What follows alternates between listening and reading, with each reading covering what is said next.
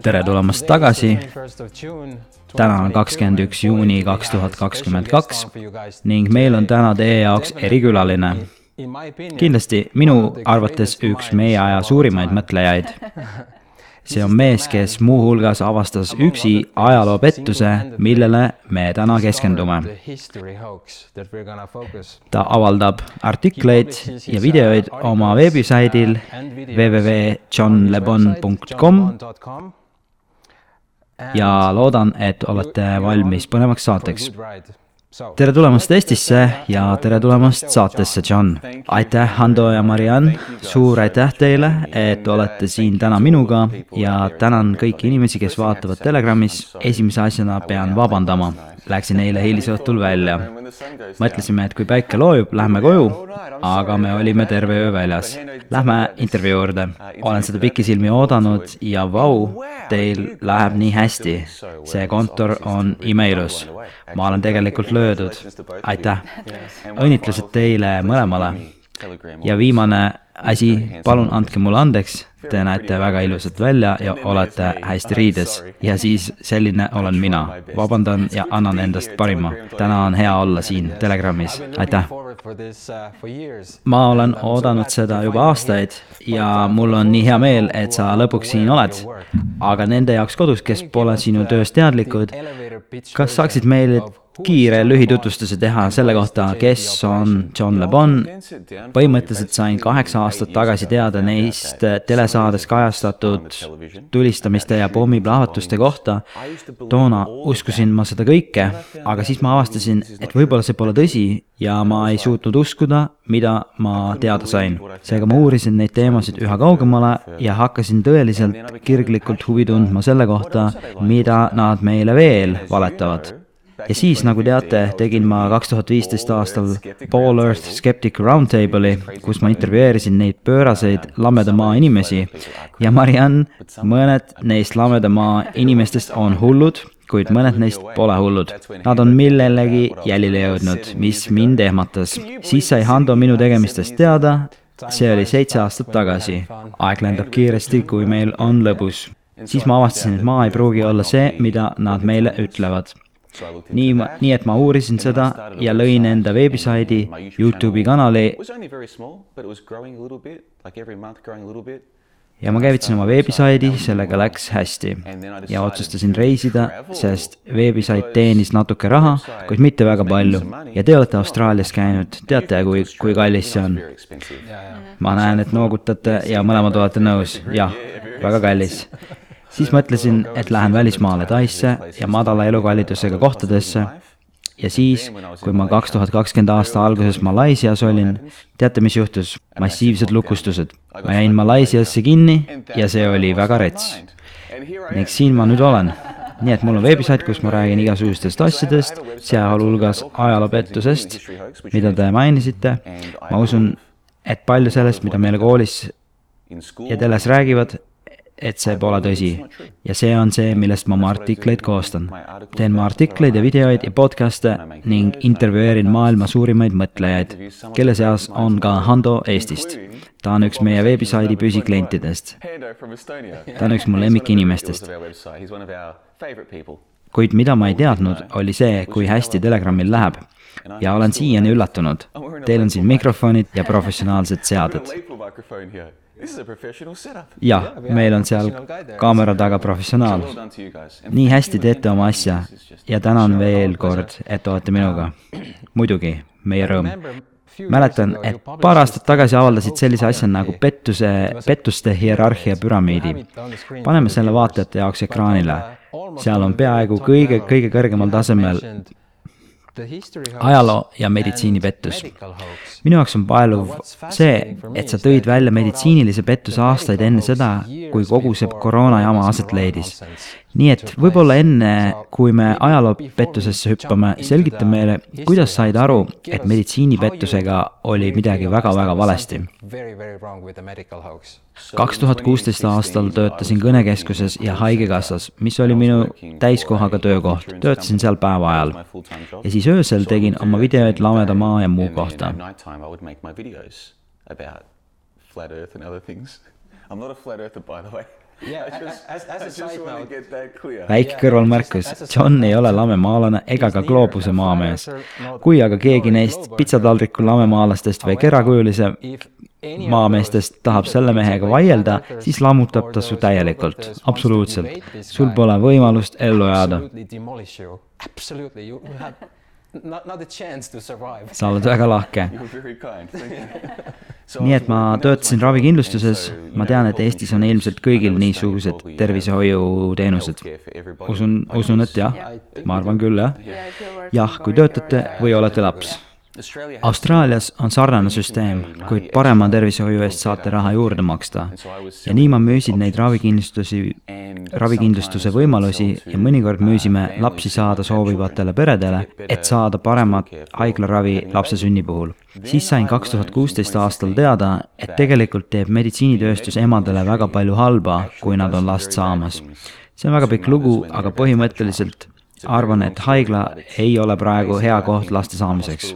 ma sain sellest teada kaks tuhat kuusteist aastal, et nende tegemistega on palju probleeme ja ma ei tea, kas meil on aega sellest kõigest rääkida, kuid see, mida ma avastasin, pani mind tahtma sellest tööst loobuda. ma mõtlesin, et ma ei saa enam emadele ravikindlustust müüda, müüa, kui tean, mida haigla nendega teeb. ma pidin loobuma. üks näide, ultraheli inimesed arvavad, et kui ema hakkab last saama, siis ultraheli eesmärk on kontrollida, kas lapsega on kõik korras, kas laps on terve. kunagi ma uskusin seda. nüüd arvan, et ultraheli võib lapsele ohtlik olla, isegi väga ohtlik. see on väga pikk lugu. ma ei tea, kas meil on aega sellest rääkida, aga kui ma need asjad avastasin, muutis see minu jaoks kõike. ja seepärast on meditsiiniline pettus hierarhia tipus see peab seal olema. aga mida ma kaks tuhat kuusteist aastal ei teadnud, oli see, et need nähtamatud teemonid, kes võivad vallutada teie keha ja siis saate selle ka teie, kogu see viiruse teema, kaks tuhat kuusteist aastal ma ei teadnud, et ka need asjad on pettus. ma arvasin, et need on tõelised. jah, me arvasime sama. ja siis aastal kaks tuhat kakskümmend juhtus see pandeemia ja sel ajal uskusin endiselt viirustesse, kuid ma pidin seda teemat hakkama uuesti uurima, kas see on ikka tõsi. ja nii ma läksin tagasi algusesse, et näha, millised on tõendid nende viiruste olemasolu kohta ja nagu teate, jõudsin järeldusele, et neid pole olemas. täpselt nii. viirused on pettus. nagu öeldakse, keegi ei saanud surma ja keegi ei saanud viga, punkt. väga hea. ma arvan, et et praegu on õige hetk ajaloopettusesse hüpata. kas saaksid enne ajaloopettuse juurde asumist selgitada, milline on teie uurimismetoodika? kui me lähme kooli või ülikooli ja loeme raamatut ja raamatus öeldakse, et ne, seal oli tüüp nimega Herodotos ja ta oli Vana-Kreeka ajalookirjanik, me arvame, et oh, kaks tuhat aastat või kolm tuhat aastat tagasi oli see tüüp, kes selle kõik pani kirja ja millegipärast on see meil siiani tema kirjutused alles. just seda ma varem arvasin, kuid otsustasin kontrollida, millised on viited või allikad esimese viite saime näiteks sellest raamatust või raamatu lõpust, bibliograafiast. selle viite abil leiad järgmise raamatu, nii et otsustasin lihtsalt neid viiteid kontrollida. see tähendab, et kui, kui teil on Herodotuse kohta raamat, siis te pole teda ise kunagi kohanud, te saite oma teabe kelleltki teiselt. nii et ma lähen ja loen seda raamatu, nad annavad ka viite ma lähen ja loen seda järgmist raamatut ja see võtab palju aega. aga ma mõtlesin, et mul on natukene aega ja nii, et kontrollite viiteid, siis kas arvate, et need viited viivad teid tuhandete aastate taha? Ei, nad ulatuvad võib-olla tuhande kaheksasajandatesse aastatesse.